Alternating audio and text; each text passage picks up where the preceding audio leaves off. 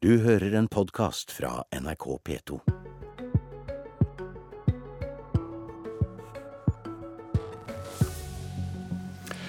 Velgerne foretrekker Jonas Gahr Støres regjeringsalternativ om dagen, men de vil fortsatt ha Erna Solberg som statsminister.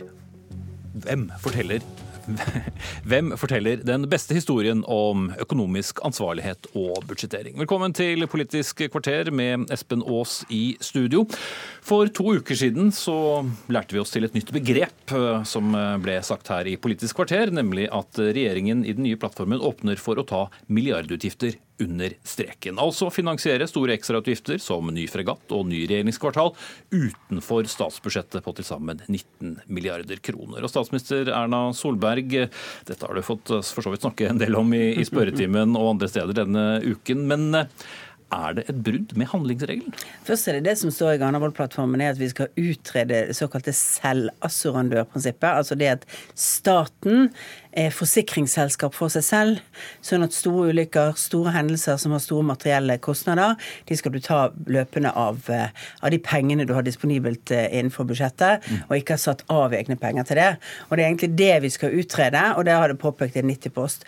Dette, dette, er et tema som har vært diskutert før, og som har, har bølget litt frem og tilbake. og Vi har ulike løsninger for ulike statlige etater, men vi har vært igjennom nå en stor terrorhandling og en stor fregatt som har gått på grunn. Så det er grunn for oss å gå gjennom og se er det sånn at det er funksjonelt også for fremtiden. At vi har et uh, prinsipp om at uh, vi ikke setter av penger, at vi ikke forsikrer oss på forhånd, at vi ikke har laget ordninger for at vi skal håndtere denne typen utgifter på samme måten. Men er det utenfor handlingsregelen, hvis vi velger det? Eh, det er jo avhengig av eh, hvor mye penger vi bruker i resten av budsjettet, om det er utenfor handlingsregelen.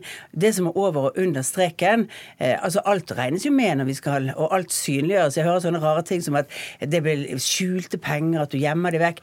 Nei, altså alt blir lagt frem for Stortinget. Alt står i statsbudsjettet. Men spørsmålet er eh, egentlig først og fremst tåler norsk økonomi aktiviteten. Og det vil alltid være et grunnlag for hvilket budsjett Høyre kommer til å fremme. Mm. Arbeiderpartileder Jonas Gahr Støre. Um, ingen er vel uenig i at vi trenger verken ny fregatt eller bygge opp um, regjeringskvartalet. Har det da noe å si hvor vi henter pengene fra? Ja, det, er klart, det er klart det har noe å si. Og dette er jo fortsettelsen av en glideflukt, mener jeg. Eh, dette er et eh, fortsettelse av eh, denne regjeringens veldig høye pengebruk, oljepengebruk. Nå ser de at budsjettene, handlingsrommet blir mindre. Og så kommer det da det jeg vil kalle et budsjettriks. En utredning om selvassuranse skal vi gjerne lese med interesse. Men det dette handler om, er jo at vi slipper å betale forsikringspremier hvert år. De pengene kan vi bruke på andre ting i budsjettet. Men når det kommer en uforutsett utgift, så skal vi altså ta den ut av ikke det vi kan kalle pensjonsfondet, men et forsikringsfond. Vi gjør om pensjonsfond til forsikringsfond. Og det er brudd på handlingsregelen, for da kan man altså bruke penger ut av det som man ellers skulle brukt til pensjoner, eller som man unntaksvis kan bruke til investeringer, til forbruk. Og jeg hører statsministeren si et regjeringskvartal som bombes. Det er en stor tragedie. En fregatt som synker, det er leit. Men landet vårt er full av uforutsette hendelser. I, i 2012 så datt det ned en Orion-fly. Kostet uh, mange millioner kroner. Den måtte Forsvaret dekke. Vi må synliggjøre dette på en ordentlig måte. Og jeg frykter at uh, dette er Carl I. Hagens comeback i den økonomiske politikken. Han har bedt om dette før. Kan vi ikke bruke en del formål som er innkjøp fra utlandet uh, utenfor budsjettet, inn i oljefondet? Og Det sier også Fremskrittspartiets finanspolitiske talsperson. Det er en seier for oss.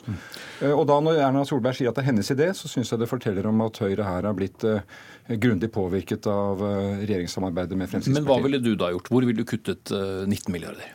Nei, for det første så, La meg bare si, da, det hører med dette studio, med de skattelettene dette partiet, eh, denne regjeringen gir hvert år, så kunne du bygget et nytt regjeringskvartal og kjøpt to nye fregatter i året. Så det handler jo om prioritering. Vi må prioritere.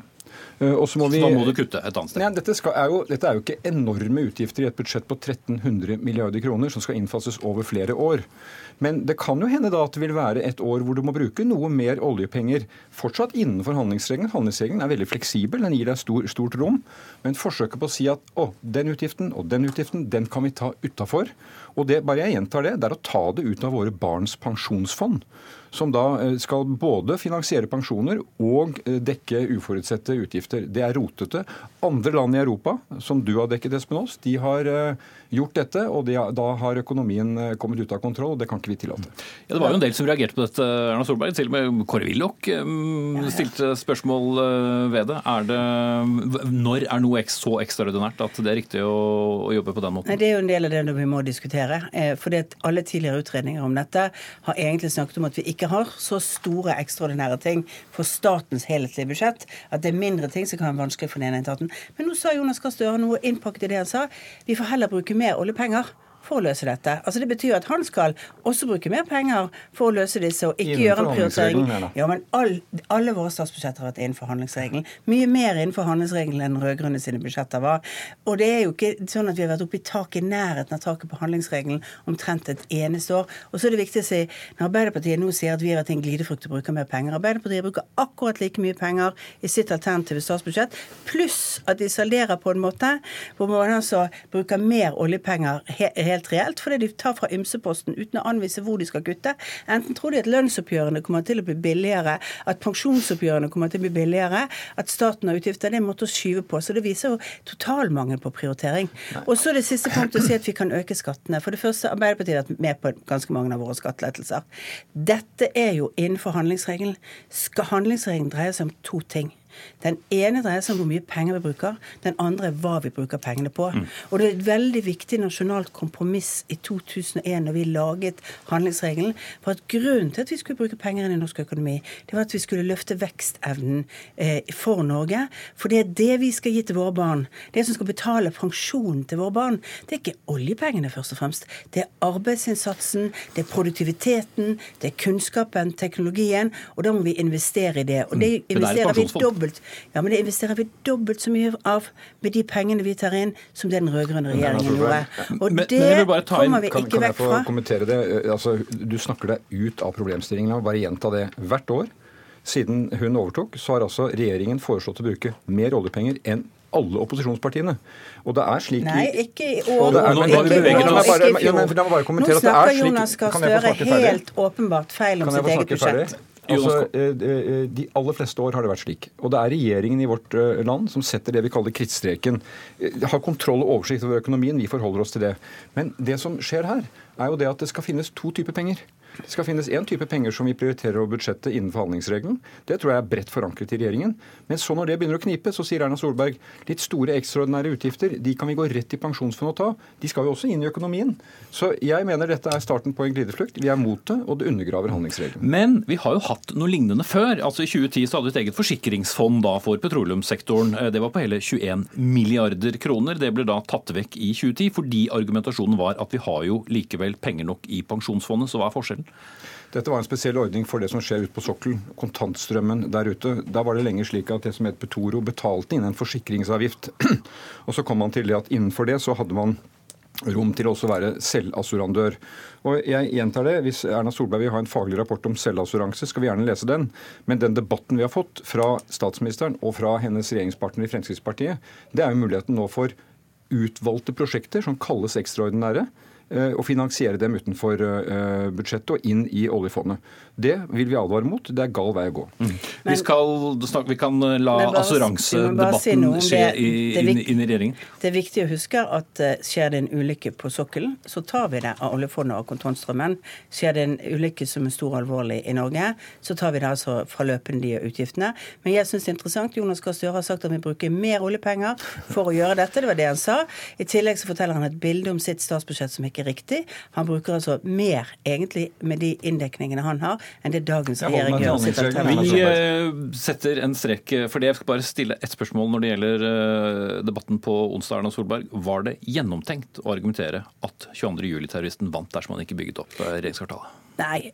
og det, det sa, Hvis det står som et åpent sår, så syns jeg det er vanskelig. Det står jeg for. At hvis vi blir stående med et regjeringskvartal som et åpent sår i Oslo, så er det vanskelig. Så var det feil å si at da har, har Behring Breivik vunnet.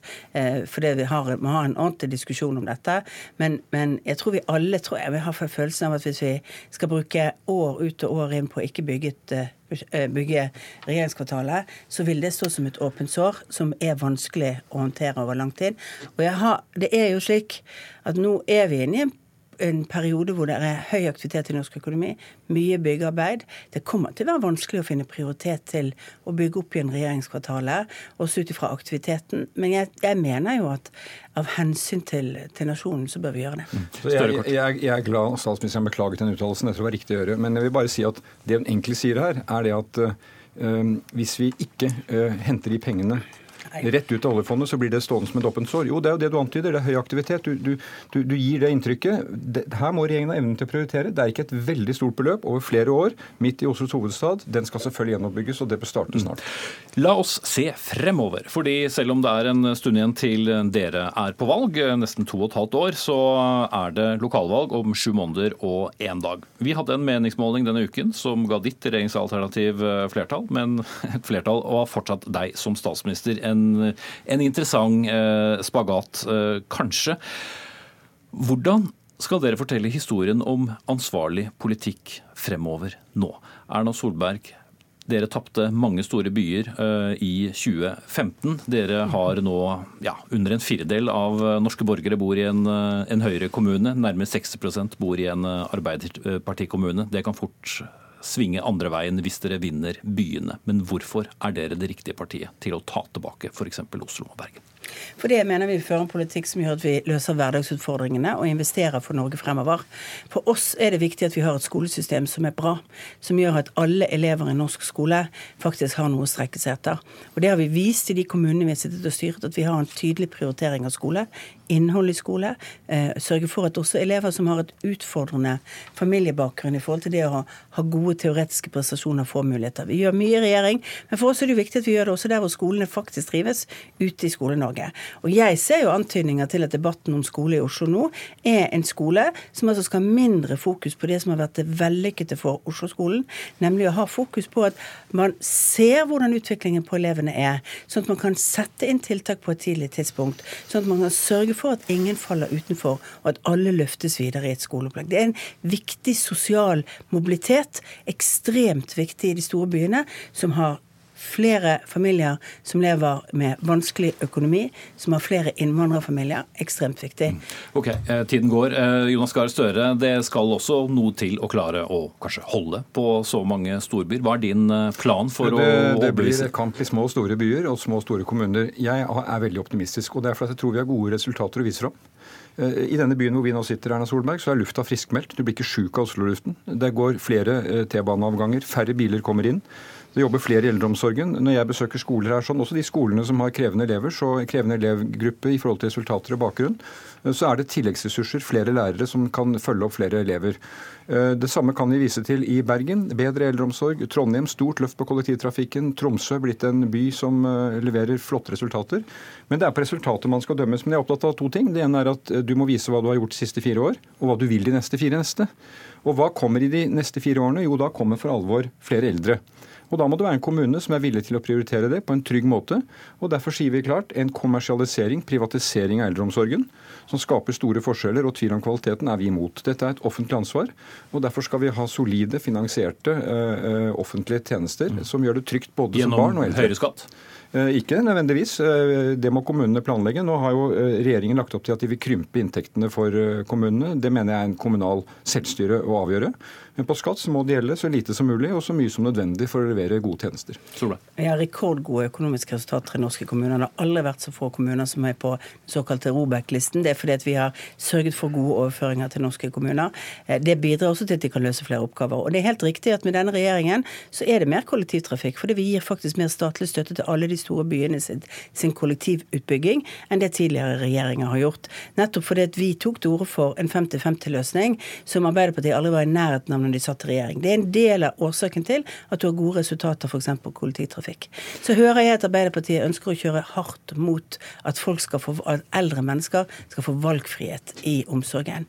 Jeg mener at når du skal ha hjelp til det som er nærmest deg, så må du ha mest mulig kontroll, styring og evne til å, og og mulighet til å kunne velge hvem som faktisk skal gi det.